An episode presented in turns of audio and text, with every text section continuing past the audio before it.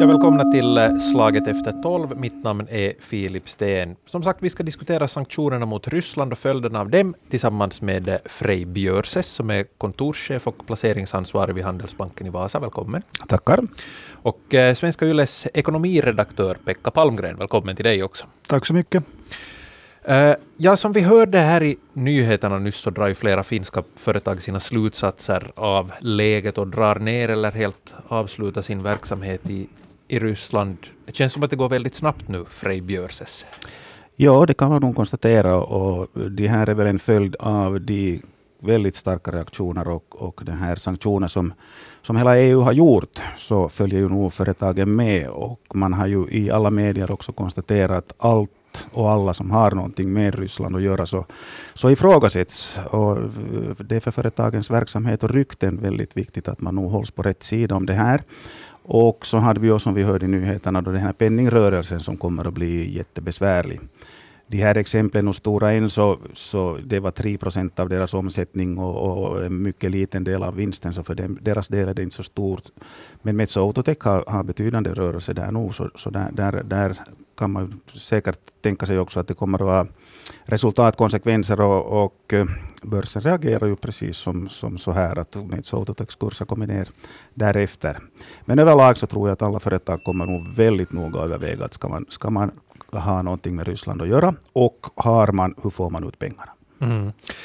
Pekka Palmgren, har de här företagen några alternativ eller, eller kommer det att bli omöjligt att bedriva handel med Ryssland? No, det är väl ganska omöjligt politiskt helt enkelt.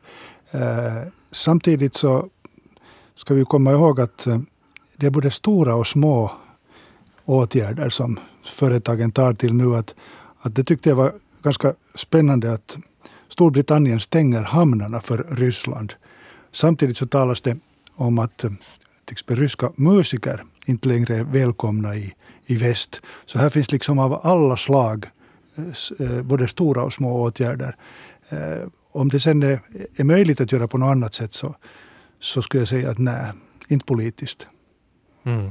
Samtidigt så, så, har ju Ryssland också sen frusit, fryst en del av, av tillgångarna, det som de kan frysa, det vill säga utländska företag får ju inte realisera egendom nu och ta hem, ta hem vinsterna. Så en, del blir kvar i Ryssland. Ja. Stämmer, stämmer. Och eh, det här är väl ungefär vad Ryssland kan göra i det här läget. För att de, de vill ju absolut inte ha ut några mera pengar ur, ur landet. Och uh, vad annat kan de göra? Så, så man, man förstår, vad man nu förstår av dem, så, så det här tycker jag är helt, helt naturlig motreaktion.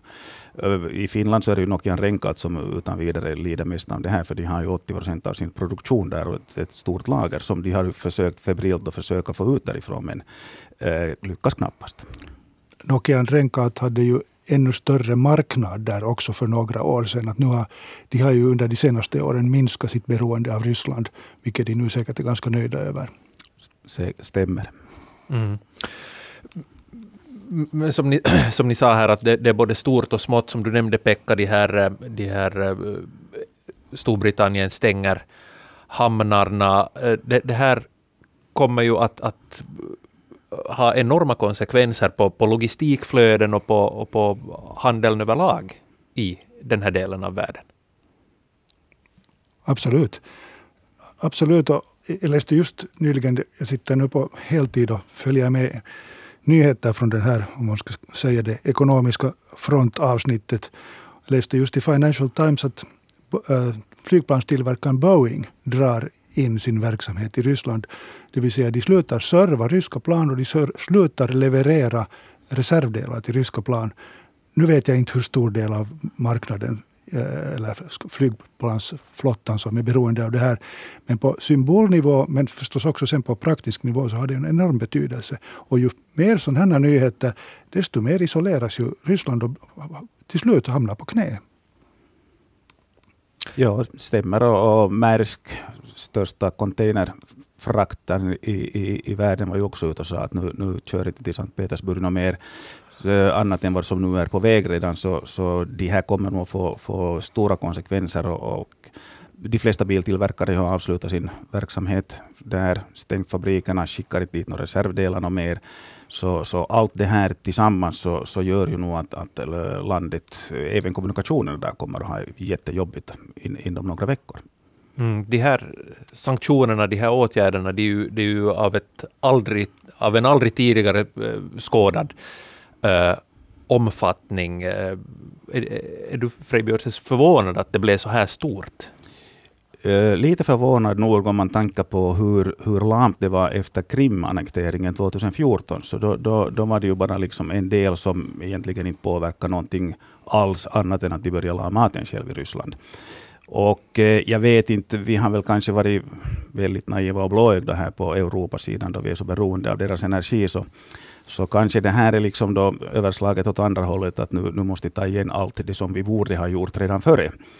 Men eh, om man tänker på hur eh, egentligen Putin då, då eh, höll igång hela den här, den här processen under den tid han, han mobiliserade vid gränserna där, så, så förstår jag nog liksom också det här att, att någonstans måste man lägga stopp. Och vi har ju gjort jättemycket, men det finns ju nog mera att göra också om vi vill verkligen som stänga av, av pengaflödet dit. Mm. Pekka Palmgren. Jag, jag tänker på, på placeringssidan, så vi har ju alla tider, eh, också under de senaste 20-30 åren, talat om den politiska risken som vi har kallat det, när vi placerar i, i Ryssland. Och jag menar, om vi tänker på många finländska företag, både byggföretag och varför inte nu Stockman, så de har ju fått känna av de här politiska riskerna. Det har inte gått eh, som på räls, utan det har funnits olika hinder på vägen. Och på sätt och vis så har jag lust att säga att, att nu realiseras de här politiska riskerna som vi har talat om i 20-30 år. Naturligtvis är det här ju ingenting som, som varken jag eller någon annan kunde förutse. Men någonstans har det funnits en känsla av att när vi går in på ryska marknaden så vet vi inte riktigt vad som kommer att hända imorgon. Och, och nu står vi inför det här. Du Frej Björsis, du har ju, du har ju mångårig erfarenhet av, av placeringar och eh, investeringar delar du Pekka Palmgrens uppfattning här ja, om riskerna med Ryssland? Absolut, de har alltid varit med där. Och delvis har de kanske funnits nog i, i kurserna också hos de här bolagen. Mm. Att man har en, ha, haft en, en, eller tagit den i beaktande helt enkelt, både för, för Nokian Renkant och, och, och Fortums del, att, att det här, här finns en sån här risk. Ingen hade ju kunnat förutse säga det här, att det kommer att gå så här tufft. Uh, här hade vi väl nog tur att vi fick, fick, eh, om man nu säger, träna med det här krim. För där börjar många av, våra börsbolag lite dra åt sig och, och fundera på att, att, hur kan det här gå? Den där risken blev som större och mera, mera konkret. Så, så vi har ju några av, av bolagen som faktiskt har minskat på sina verksamheter där ganska betydligt redan, som, som inte lider så mycket nu som, som de skulle kunna göra utan krim. Mm.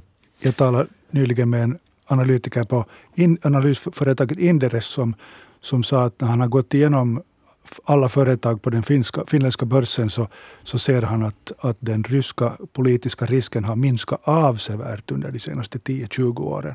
Att för 20 år sedan så skulle vi ha varit betydligt mer beroende av, av vad som händer i Ryssland.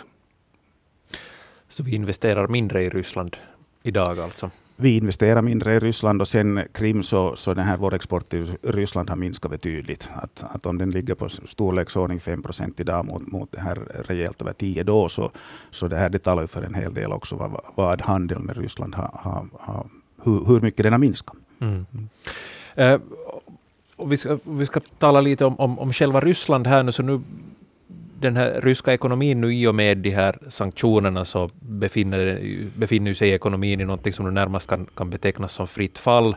Rubeln tappar värde, räntorna stiger, börsen har varit, Moskvabörsen har varit stängd i, i, i flera dagar. Vilka är, är följderna på, på kort sikt här?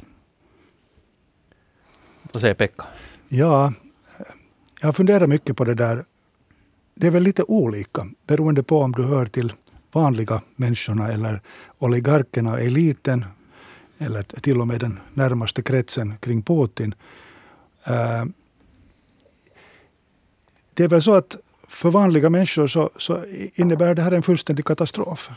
Och, och det, det, finns, eh, det finns helt enkelt inte pengar. Det finns inte eh, import av livsmedel och reservdelar och allt tar slut hör du till eliten så går det naturligtvis lite, så är livet lite lättare i och med bland annat då utländska innehav. Vi vet ju att det finns en hel del miljö, ryska miljonärer, till exempel i London, men förstås på många andra, andra håll också, Cypern och, och så vidare. Så, så det är väl lite olika och det är väl det här som nu är det politiskt intressanta att, att okej, okay, det, det, är många analytiker som nu funderar att månne folket nu på något vis kan sätta stopp för det här och ställa, ställa, eh, vad heter det, ställa på, krav på Putin.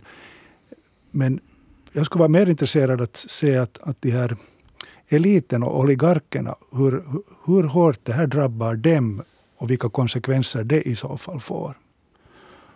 Om, om det här var ett svar på din fråga. Mm. Mm. Frej? Ja, jag håller med.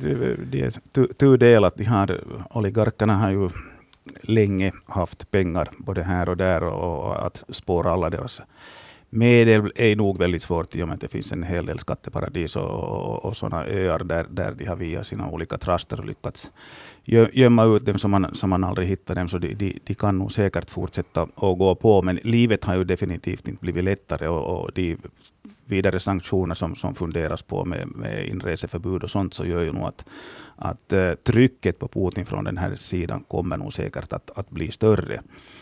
Gemene man sen så, så ja, de försöker febrilt få ut sina cash ur bankerna och, och, och det här har någonting att göra med dem. Och, Eh, alla importvaror priser de kommer att stiga rejält i och med att rubeln har har sackat. hur mycket nya importvaror som kommer dit så är ju sen en annan sak. Vem vågar sälja och hur får man betalt?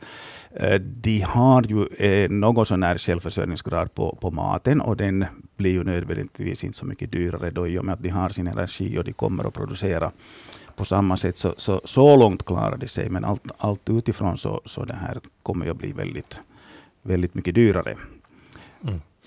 Som vi hörde i nyheterna här så Ryssland själva försäkrar ju att, att ekonomin kommer att klara sig förstås. Vad annat kan de försäkra, i, vad annat kan de säga i, i det här äh, läget. Men äh, ja, hur länge klarar ryssen, Ryssland sig? återstår att se. De har ju, de har ju en jättestor uh, kassareserv nog, uh, som, som de hade ju tänkt använda helt och hållet. Och de gjorde övriga centralbanker då i västvärlden faktiskt det stora steget, de frös de här, vilket ungefär bär då hälften av hela den här kassareserven, som de redan använde förra fredagen, där de stödköpt börsen och stödköpt rubeln. De här pengarna så, så finns ju ändå delvis i guld och, och så finns det ju också till stor del i Kina. Uh, börjar du dumpa ut guld på marknaden så då, då blir det sådana mängder så då faller priset på den råvaran och det kanske inte riktigt vad, vad någon vill. Och eh, stora frågetecken är ju faktiskt hur långt Kina nu vågar hänga med på det här tåget. Pekka? Jag skulle vilja passa på tillfället att fråga Frej Björses en, en sak jag funderar på som jag inte förstått. Att eftersom eh, banksektorn blir, blir det här får allt svårare att agera med, med utlandet, alltså den ryska banksektorn. Så hur, hur i praktiken sköter man betalningar? Går, går det på något Det var någon, som sa, någon expert som uttalade sig någonstans och sa att, man kan nog ändå få igenom betalningar. Men hur, hur, hur går det till? No, det fina i kråksången är att det finns några banker som ännu är med i Swiften. Och här, här, är ju närmast nu då liksom, det är som jag redan tog upp här, att, att vi, vi köper ännu gas därifrån. Och den ska betalas på något vis. Och det går då via, via vissa banker. Medan de flesta banker är avstängda. Och eh, också västbankerna så, så det här eh, förmedlar inte pengar till Ryssland på något vis. Och det har vi ju inte gjort på ett bra tag heller, liksom bara undantagsvis tack vare all penningtvättslagstiftning och sånt.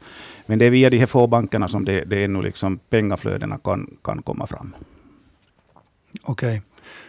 Jag tänker också på det att det är ju inte första gången i historien som folket utarmas och diktatorn fortsätter med sitt krig. Så att eh, som svar på, på frågan att hur länge ska ryska folket orka så Ja, en, ett cyniskt svar skulle vara att säkert ganska länge, trots allt. Mm. Vilken hemsk tanke, men antagligen så, så, har det funkat förut i historien. Precis. Ja. Uh, om vi ser på, på nu, nu de här sanktionerna och, eh, och uh, världsekonomin, så, så det här ritar ju nog som om kartan ganska fullständigt då man, då man äh, inte har Ryssland med där så, så att säga. Att hurdan, hurdan finansmarknad blir det som vi får? Funkar det med en, med en vit fläck som är världens största till ytan land, där Ryssland? Hur, hurdan, vad, vad, vad blir det av det? Ja, Uh, nu, alltså Ryssland som, som del av hela världens BNP så är ju eh, uh, 3 procent. Så där har de ju som inte så hemskt mycket att göra. Och uh, det, det, är ju liksom närmast inom energin och vissa råvaror som de har, de har en, en viktig del. Uh, om man ser på de, de fina prognoser för världstillväxten som vi hade här före det här anfallet, så, så de har nog reviderats ner en del, för vi, vi har ju en tillväxtprocent på över fyra i världsekonomin förväntad. Och uh, den, den är ju tack vare, tack vare att vi, vi kommer bort från den här covid pandemin som, som, som vi har sådana tillväxtsiffror. Men, men det här till exempel för Europas del, så Handelsbankens prognos som var en tillväxt på 3,9 så, så dras ner med en halv procent. Och, och det här jag diskuterade med Timo Hirvonen, vår ekonomist, här på morgonen. Och, och det här, han sa då att eh, för Finlands del så, så om det blir ett totalt stopp så, så kan, det, kan det sänka BNP med, med 1,5 procent från det vad vi har prognostiserat. Vi har en prognos på 3 procent nu, då, men, men som sagt, beror på hur det här går. Den kan komma ner rejält. Vad säger du, Pekka Palmumäki? Jag måste medge att jag har inte riktigt kunnat tänka så långt ännu. Men, men för Finlands del så har det här ju helt säkert konsekvenser även om vi, oberoende, äh, även om vi just konstaterar att Finland inte är så beroende av Ryssland som vi har varit någon gång. Men nu drabbar det här säkert Finland. Jag vet inte om Frej Björsses håller med hårdare än, än andra delar i Europa. Också som placeringsland blir vi mindre attraktiva. Att utländska placerare drar bort sina tillgångar från, från grannländer till, till Ryssland lättare än, än från Sverige och Danmark kanske. Ja, delar du den uppfattningen? Jag håller med. Ja, vi, vi lider nog uh, av EU-länderna kanske handelsmässigt mest av alltihop. Vi har ju sen Tyskland och Italien som är väldigt beroende av den gasen. Som, som ju är ett stort frågetecken ännu då, att vi, vad vi kommer att göra med den. Men, men det här, i övrigt så, så Finland, ja. Och äh, placerar, placerarna har ju redan, om vi ser från början av året, så har de ju dragit lite ner risken på grund av de här höga inflationssiffrorna.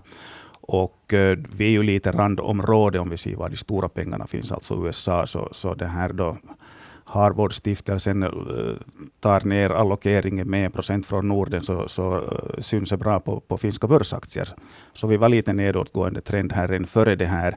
Men då är det ju som sagt, ser man då också geografisk och geopolitisk risk, så är det lättare att sälja bort härifrån då, trots att många av våra börsbolag inte har just någonting med Ryssland att göra, utan de är helt globala. Men, men det här, då man, då man har en fond som säljer ut och, och, och då fonden löser in, så då måste man sälja av alla sina innehav, oberoende var de har sin verksamhet.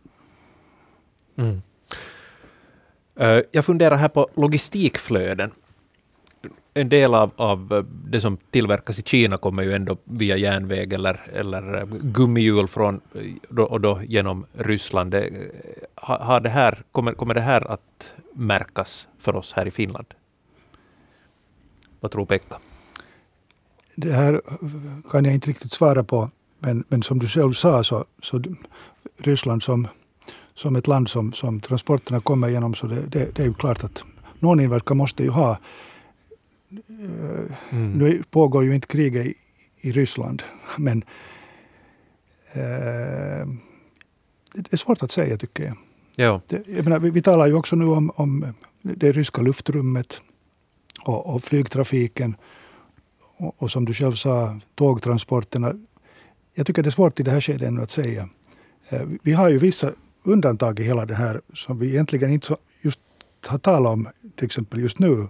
Och det är ju hela den här gas och, och oljehandeln som ju pågår som förut.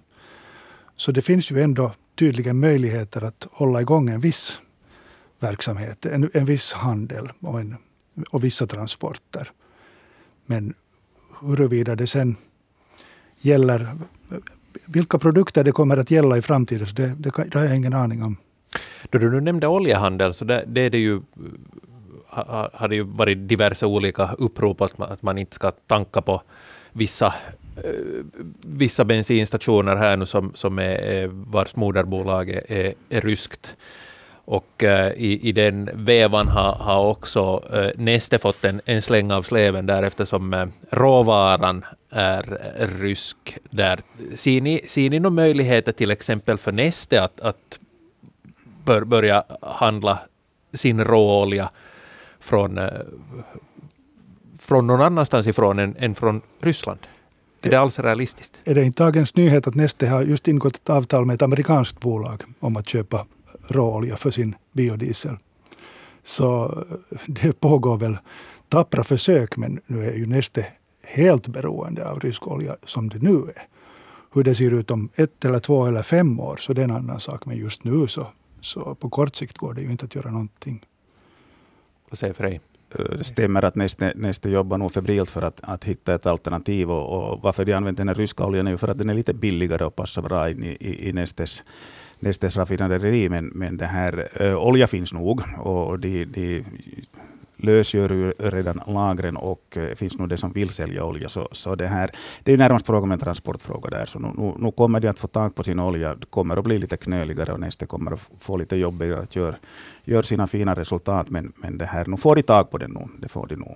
Vad jag tror med de här transerna genom eh, Ryssland, då, så de har ju väldigt få såna eh, motsanktioner som de kan göra, så det här kan ju vara ett typiskt sånt att de stoppar dem helt enkelt, och bara som motsanktion mot allt vad Europa har gjort. Mm. Om vi, om vi då ser på, på eh, konsekvenser av de här eh, sanktionerna mer, mera i Europa och i Finland så börserna har ju inte reagerat positivt heller på eh, utanför Moskva så att säga på, på, på de här krigsnyheterna. Du, du var inne här på, på de här tilltänkta tillväxtsiffrorna som man nog antagligen får, får det där eh, rita om, om där. Hur illa kan läget bli i Europa på grund av det här? Ja, eh, om man tänker börsmässigt så, så den här nog säkert eh, funderar vi om liksom på många företagsnivåer. Vad, vad kan de göra för, för resultat och, och, och det här man reviderar kanske om de här årets, årets siffror och, och så. Eh, dock ska vi komma ihåg att Ryssland är ju inte som så stor handelspartner i alla fall för, för det här, eh, i det stora hela. Och de här kriserna, de brukar ändå liksom börsmässigt vara ganska kortvariga, trots att det här är nog någonting som är väldigt nära och kan bli väldigt långvarigt, så, så brukar det bli vardag i alla fall. Och nu gör ju faktiskt börs, börsbolagen jättebra resultat ännu så länge, och det här kommer inte att påverka det så mycket i alla fall, tror jag. Så, så vi, vi kommer nog inte att se någon, någon riktigt grym krasch. Vi har kommit ner till en del nu då redan från, från uh, årsskiftet började ju med, med de här uh, inflationerna som var för höga och sen kom det här till. Så, så inte, jag tror inte på, på några riktigt uh, jättestora dippar något mer, om inte det eskalerar då förstås. Så att det börjar gå utanför Ukrainas gränser också.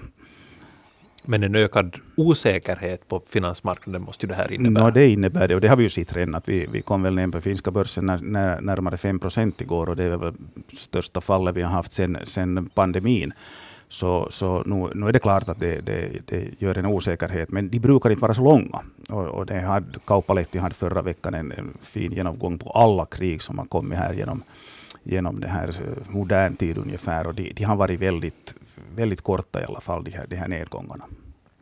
Pekka? För Ukraina och för civilbefolkningen är det här en fruktansvärd mardröm och en tragedi och för, för säkerhetsläget i Europa. Men företagen brukar på något vis alltid komma runt de här problemen sen på ganska, ganska snabbt de facto. Och, och, och lösa, lösa alla, alla problem som, som kommer i vägen. Att man, man hittar leverantörer och man, man hittar rutter och, och det, det fixar sig nog. Och, och, och, har man en långsiktig placeringsplan så, så är det inga, ingenting att fundera på. Men det är ju, det är ju ganska det känns lite så cyniskt att diskutera mm. ens placeringsfrågor i det här läget, men, mm. men, men, så är det. det. det. är en realitet också att tänka på. Men vi kan fundera lite på, på hur, hur det här kommer att, att märkas av för den vanliga medborgaren i, här, här hemma i, i Finland. Vad, vad kan vi... Ja. Vad, vad finns det för, för risker här ekonomiskt? No, ekonomiskt har vi ju, no, ja, som, som ju är väldigt heligt, är ju bensinpriser förstås. Att hur, hur högt stiger det med detta råoljepris? Eh, råoljan kostar faktiskt på de här nivåerna under hela arabåren från 2011 till 2014. Så vi kan nog leva med det här och inte hade vi nog bensinpriser så mycket, mycket högre då heller än vad de är idag. Så där behöver det nödvändigtvis inte synas vid, vid pumparna så mycket. Eh, fråga två sen är ju energipriserna, elen. Och den är ju väldigt viktig för, för finländarna nog. Att vad, vad kommer den att kosta? Och där kan man kanske se då i förlängningen, i alla fall nu är spotpriserna inte på något vis så att de skulle rusa i höjden. Men om det blir det här som vi tog upp här redan, att uh, de stänger gaskranarna, antingen från rysk sida eller att vi slutar importera det. Så då har vi, ju en, vi har redan en energikris i Tyskland, men Italien och Tyskland, och då kommer den här efterfrågan där nog att höja på, på elpriserna, så där kan vi se någonting. Spannmålspriserna då är ju nästan i, i Ukraina och och eh, Sovjet, eh, Sovjet hör nu, Ryssland är ju, är ju den här, de största exporterna av vete till exempel. Och de, de priserna har ju rusat iväg i höjden. Nu är vi väl inte så beroende av alla importpriser här i, i Finland egentligen, men marknadspriserna styr ju här också. Det är klart man säljer till det bästa pris man får och, och där kan nog liksom, man får se det i mathyllorna då också via det. Om jag fortsätter var, var du slutar Frej, mm. så, så skulle jag konstatera att plötsligt talar ingen mer om, om inflationen. Eh, det vill säga, det som jag menar är att eh, för, no, för en kort tid sedan så, så var vi säkra på att räntorna går upp och att det blir finansiellt kärvare för, för de som har eh, bostadslån och så vidare. Nu kommer nog centralbankerna att fortsätta pumpa in pengar i systemet och, och eh, det talas om kompensation för den som har för till exempel yrkes, yrkesbilister och, och så vidare. Jag, ingen vet ju, men min känsla är den att inte kommer det här att drabba oss på det sättet ekonomiskt så, stor, så mycket. Att, att okej, okay, kanske bensinpriset nu hålls högt och energipriserna kan ställvis vara höga, men nej. Ja, ja, ja, det är min känsla också. Du är inte orolig? Jag är inte orolig, nej. nej. nej. Och, som sagt, om inte det här nu eskalerar, och det är ju det som vi alla går omkring och är fruktansvärt rädda för. Det är alldeles fruktansvärd situation. Det kan ju hända vad som helst. Mm. Och då gäller ingenting av det som vi talar nu. Så är det. Uh, igår i A-studio så talades det om att minska på uh, vårt beroende av rysk eh, el här i, i Finland och eh, det är då att eh, staten, staten måste, måste där vidta åtgärder för att för, för, för, att komma bort från det här beroendet av, av den här ryska elektriciteten. Det kommer ju att, att höja på statsskulden och, och låntagningen är ju, är ju hög, har ju varit mycket hög de senaste åren under coronapandemin. Vilka utsikter ser du där, Frej Björses? Ja, det, hela elmarknaden är ju ganska spännande i sig nog och ett, ett mysterium. Men, men det här, här får vi ju nog tacka, tacka våra franska ingenjörer att vi då äntligen får igång Olkiluoto e-, efter eh, tolv års eh, det här fördröjning. Så i, i princip i, i matematiken i alla fall så, så täcker det i stort sett det som vi importerar idag. Så där har vi ett sånt där eh, gratiskort nog. Men, men det här, i övrigt så, så måste vi nog se till och, och om vi nu hade 3F som lider mycket så, och, och blir stora frågetecken, så det var ju Fortum, Finnair och Fennovoima. Vad ska vi göra med det då? Och, och eh, i framtiden då måste man fundera på att vi, vi vill säkert inte ha, ha Rosatom som delägare där, men, men är det någonting då som där staten måste ta lån och gå in och göra någonting åt för att vi ska ha ett till kraftverk då också, då vi inte kan ha från Ryssland och mera el. Pekka. Jag skulle föra in en dimension som kanske inte just nu är så populär, men gasledningen och, och handel med Ryssland har ju också setts som ett fredsprojekt. Och om allt tar slut, om vi helt och hållet isolerar Ryssland, var, var hamnar vi då? Politiskt och säkerhetspolitiskt. Så jag, jag är på något vis hemskt orolig för, också för de diskussionerna som handlar om att, att minska beroendet och, och, och inte, inte längre importera rysk varken olja eller gas. Och, och det talas ju i Tyskland nu just om att, att, att stoppa helt enkelt det här den här gasledningen. Så att eh, det kan säkert göras på medellång sikt eller på lite längre sikt. Men om det sen är klokt så det är en annan sak. Det är en svår balansgång här. Det är väldigt, väldigt känsligt. Ty, tycker du att det har funnits som ett, ett visst mått av, av uh, överreaktion här i, i de här uh, reaktionerna? Nej, nej, det vill jag inte säga. Absolut inte. Nej. Nej, jag, jag, jag, jag, så att säga står bakom mm. sanktionerna. Eh, även om det inte är jag som har tagit beslut. Men, men det, där, eh, det är en sak att tänka på. När, när, när vi talar om att göra oss helt oberoende. Vi ska till sist ännu, ännu fundera på, på, på det där, eh, den dag då det här kriget eh, tar slut, vilket det förhoppningsvis ska göra snart. Eh, finns det en väg tillbaka här då, eller är, är, är liksom förtroendet för, för Ryssland förbrukat för, på överskådlig tid? Jag tror nog att så länge Putin sitter där så är, är förtroendet förbrukat. Vi kommer tillbaka till den normala tiden före, före det här han är bort från makten. Nej, jag, jag håller med om det. Det, det, är, det är nog svårt att se hur vi ska kunna... Hur ska den kompromissen se ut? Vem, vem är det vem är det som ska backa och, och, hur långt för att vi ska på något vis uppnå någon slags balans igen? Det, det är svårt att se. Men samtidigt så rör jag mig här nog utanför mitt, mitt bekvämlighetsområde eller min kompetens. Att det är nog det är stora frågor. Mm. Men är det, du, du menar Frej att det är helt och hållet fast på, på en person här då, att bara Putin är bort så, så så finns det möjligheter igen. Ja, det här är inte heller mitt bekvämlighetsområde eftersom jag svarar på frågan. Så, ja, ja, jag skulle säga det, att det här, då, då, då kan vi börja om från början och, och, och fundera på vad har man för, för styre där, då, vad har man för ledning. Går man kanske ett steg mot någon slags demokrati och, och det här, vem förhandlar vi med? Och då, då, då kan man ju som nog göra allt, allt från nytt. För jag tycker att det här styrs helt och hållet av en person. där. Tack eh, Frej Björses från Handelsbanken i Vasa. Tack också eh, Svenska Yles ekonomiredaktör Pekka Palmgren. Mitt namn är Filip Sten och eh, Slaget efter tolv är tillbaka imorgon.